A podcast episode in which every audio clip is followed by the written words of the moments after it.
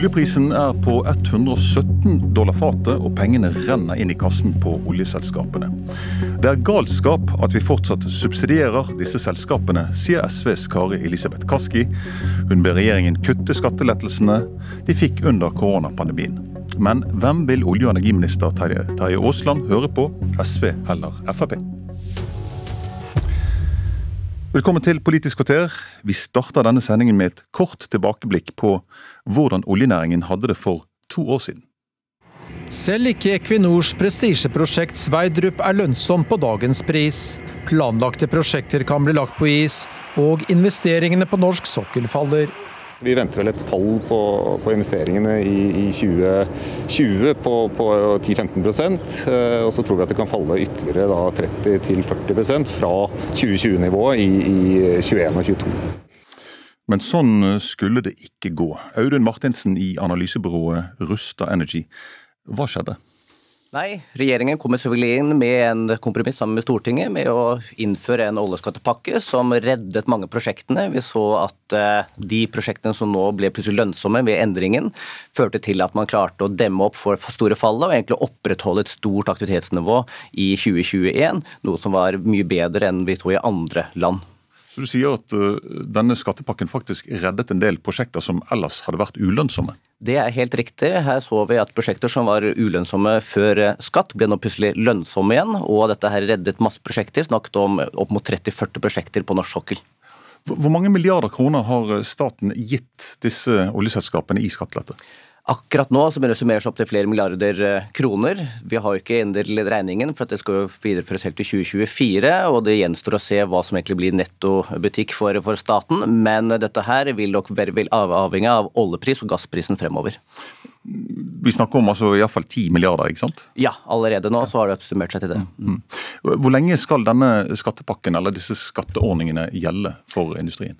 Dette gjelder for prosjekter som nå blir innlevert og godkjent før slutten av 2024. og Dette her er da prosjekter som vil da bli bygget ut i 25, 26, 27, og fordeler som oljeselskapene kan dra med seg helt mot slutten av dette tiåret, faktisk. Hvordan eh, vil disse, denne skatteletten påvirke oljeindustrien i tiden som kommer? Ja, Det vil opprettholde et godt nivå helt frem til 2026-2027, tror vi. Det vil opprettholde mange personer som kan jobbe i leverandørindustrien, opp mot 200 000. Så det er viktig å opprettholde hele aktiviteten, men også skape mulighet for inflasjon. Ja, på, på hvilken måte? Nei, Man sier jo det at det er en kamp om hodene nå. At vi er egentlig et høyt aktivitetsnivå over flere år. og Det fører til at det er kamp om hodene, inflasjon på arbeidskraft, men også på stål og andre innsatsfaktorer. Olje- og energiminister Terje Aasland, eh, hva tenker du, er det på tide å kutte den oljeskatten når du hører at den fører til økt inflasjon? Vi skal være forutsigbare. Så Vi har vært med på en, eh, en skattepakke midlertidig for eh, olje- og gassindustrien, og den står vi ved. Det er viktig at vi er forutsigbare i tilnærmingen til dette, og den har jo virka. Det, altså, det var folk i 2020-2021 som var utrygge om de hadde jobb å gå til, om de ble permitterte, sagt opp eller hva det måtte Altså den usikkerheten som lå der. Nå er det trygghet for det. Det er aktivitet, men det er ikke noe sånn boom innenfor olje- og gassinvesteringene sånn som det ligger nå. Det er egentlig Skattepakka har bidratt til å opprettholde det som var kanskje en forutsigbar aktivitet før, uh, før uh, situasjonen i 2020 dukka opp. Og Det er jeg veldig glad for, fordi det er mye kompetanse, det er viktige arbeidsplasser. Og det er et grunnlag også for det grønne uh, skiftet i tilknytning til den kompetansen som er der. Så jeg tror det er viktig å være forutsigbar og trygge på det at vi står ved det som vi har vedtatt i Stortinget, sånn vi, som vi alltid har gjort. Men Vi hører jo Rusta Energy si her at det har ført til at så mye som 30-40 prosjekter som tidligere var ulønnsomme, nå faktisk er i drift. Det er ikke en risiko her for at dere har satt i gang prosjekter som, som staten ikke uh, kommer til å tjene penger på? At vi rett og slett subsidierer oss uh, til fant? Jeg tror vi kommer til å hente inn den gevinsten, og vi henter inn mye av det gjennom trygghet for arbeid, det å holde, opprettholde kompetansen, videreutvikle teknologi, muligheter osv. Så, videre. så ser vi nå i det grufulle bakteppet som ligger i Ukraina med krigen, avhengigheten av en stabil, trygg, forutsigbar energileverandør til det europeiske markedet, sånn at de kan også være med på å ta energiomstillingen sin, tror jeg blir særdeles viktig. Eh, så jeg tror dette er øh, riktig. Det er klokt å stå øh, bak den oljeskattepakka som er midlertidig, og være forutsigbare på at vi selv i krevende situasjoner står ved det som vi mener er langsiktig riktig. Kari Elisabeth Kaski, finanspolitisk talsperson for SV. Du sier til DN at denne skattepakken er galskap. Sterke ord. Hvorfor det? Da man hastebehandla gjennom Stortinget, og det har ikke skjedd før, en endring i oljeskatteregimet på den måten som det ble gjort på der. Altså Tvert imot har oljeindustrien nettopp bedt om forutsigbarhet, og plutselig så ønsker man endringer i et oljeskatteregime som har stort sett ligget fast. Det var for to år siden. Uh, april 2020 så var oljeprisen nede i 20 dollar fatet. Da pakka ble vedtatt, så var den oppe i 40 dollar fatet. Nå ser vi altså at oljeprisen er 100 dollar uh, mer per fat. Uh, så det er altså Eh, vi er i tid nå hvor oljeprisen er skyhøy, hvor vi jo i fellesskap subsidierer aktivitet i oljeindustrien. Det er ikke behov for de subsidiene. Det går så det griner i olja. Og realiteten er at det blir et press. En ting er inflasjon, men også på realøkonomien. Det binder opp ressurser, mennesker, som vi hadde trengt for å få fart på det grønne skiftet, som vi henger bakpå med akkurat nå. Og Europa er avhengig av Norge som en stabil energileverandør, men det her knytter seg jo til oljefelt som skal levere om mange, mange år. Det vi kunne bidratt til i dag, det var jo å satt fart på den store utbygginga av fornybar energi, sånn som havvind f.eks., som Europa virkelig vil trenge framover for å være reelt sett energi uavhengig av bl.a. Russland. Da, da, vil jeg spørre deg, Audun Martinsen i Ruste Energi, akkurat dette som Kaski tar opp her med det grønne skiftet. I hvilken grad har denne skattepakken ført til endringer i investeringer i lavkarbonprosjekter som hydrogenfabrikker, batterifabrikker osv.? Det har jo påvirket noe, i og med at oljeselskapene ønsker å fokusere på olje- og gassprosjekter. ikke sant? Og de også har en viss kapasitet og kjører en viss portefølje, så de har måttet prioritere det annerledes. Og sånn sett så har vi fått mindre fokus på noen av fornybarprosjektene på, på norsk sokkel.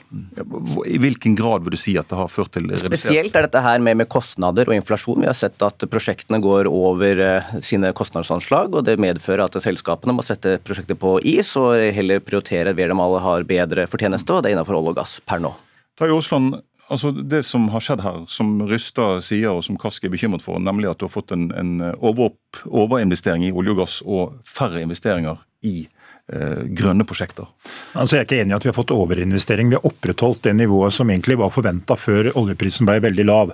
Og Det å kalle det galskap at den trygger folk, trygger virksomheter, sånn at de har en inntekt å, å, å hente, det syns jeg er egentlig ganske sterke ord. Jeg tror egentlig ikke Kari Elisabeth eh, egentlig eh, mener det. Det var viktig å få på plass den oljeskattepakka. Det var viktig å få opp, også opprettholde aktiviteten. Det handler om trygghet for arbeid. Og så til det grønne skiftet og til investering investeringene. Altså det står nå på fastlandet eh, industriprosjekter omtrent i kø. Utgangspunktet er at vi må lykkes med å få mer fornybar energi inn i markedet for å lykkes med de investeringene. Og da havvind. Altså, denne regjeringa kommer til å rulle ut muligheter for havvind. og Vi kommer til å lage to dimensjoner i det. Det ene er at vi kommer til å produsere mer kraft, men vi kommer til også å satse industrielt på at den skal lykkes med flytende havvind. Så Det er en sånn vinn-vinn-situasjon, det òg. Og der tror jeg faktisk at olje- og gassindustrien, de som nå opprettholder aktivitet, eh, og ikke minst olje- og gasselskapene, vil bidra positivt til at vi kan få en raskere teknologiutvikling utvikling og få ned kostnadene ved den type prosjekter i tida framover. Fordi vi er inne i en helt annen energisituasjon enn det vi noen gang har vært. Vi må klare å legge til rette for at vi kan lage stabilitet i et større bilde enn oss sjøl. Kaski? Det er klart det er galskap å subsidiere en næring som klarer seg uten subsidier, med mer enn 10 milliarder. Altså det kan komme opp i 40 milliarder. Uh, og det er ikke helt riktig heller at det her er oljefelt som uansett ville ha blitt realisert. Altså Wisting-feltet i Barentshavet var ikke lønnsomt før oljeskattepakka. Den har i aller høyeste grad blitt realisert som en konsekvens av oljeskattepakka. Og det som er vår bekymring, er jo at vi bruker disse ressursene nettopp på å opprettholde et, et nivå i oljeindustrien som, som, jeg ikke kan forstå at Norge tjener på på sikt. Altså I løpet av de neste årene så skal, vi, så skal det godkjennes 58 nye utbygginger på norsk sokkel. Det krever jo ressurser som vi kunne ha brukt heller på å få fortgang på det grønne skiftet som vi ligger bakpå. Fordi det er nå bare sånn at de samme folka kan bare jobbe med én ting, og når det er så vilt lønnsomt i olja, så trekkes de mot olja. Og Alternativet til SV ville aldri vært å bare si at folk skal gå arbeidsløs. Men man er vant til at oljeindustrien er en syklisk bransje. I den perioden med lav oljepris så burde man fra politisk side i Norge utnytta den muligheten til å få fortgang på de grønne prosjektene, og få slusa folk inn nettopp på de prosjektene der. Men Kaski, Det som skjer nå i Europa, er at uh, europeere ønsker å vende seg vekk fra Russland. Uh, det kommer til å bli manko på gass og olje. Og Det som kan skje istedenfor, er at, uh, at Europa går mot kull, kjernekraft. Er det ikke da bedre at vi øker vår produksjon av olje og gass? Men nå produserer vi så mye olje og gass som vi kan fra dagens produksjon. Og de, og de feltene som vi snakker om nå, de vil først være i produksjon om flere år. Men nå har vi et vindu som også Europa ønsker, som også Det internasjonale energibyrået ber om, som er at vi bruker denne anledninga til å gjøre Europa reelt energiuavhengig. Norge vil aldri kunne erstatte hele Russlands gass, eh, gasseksport til Europa.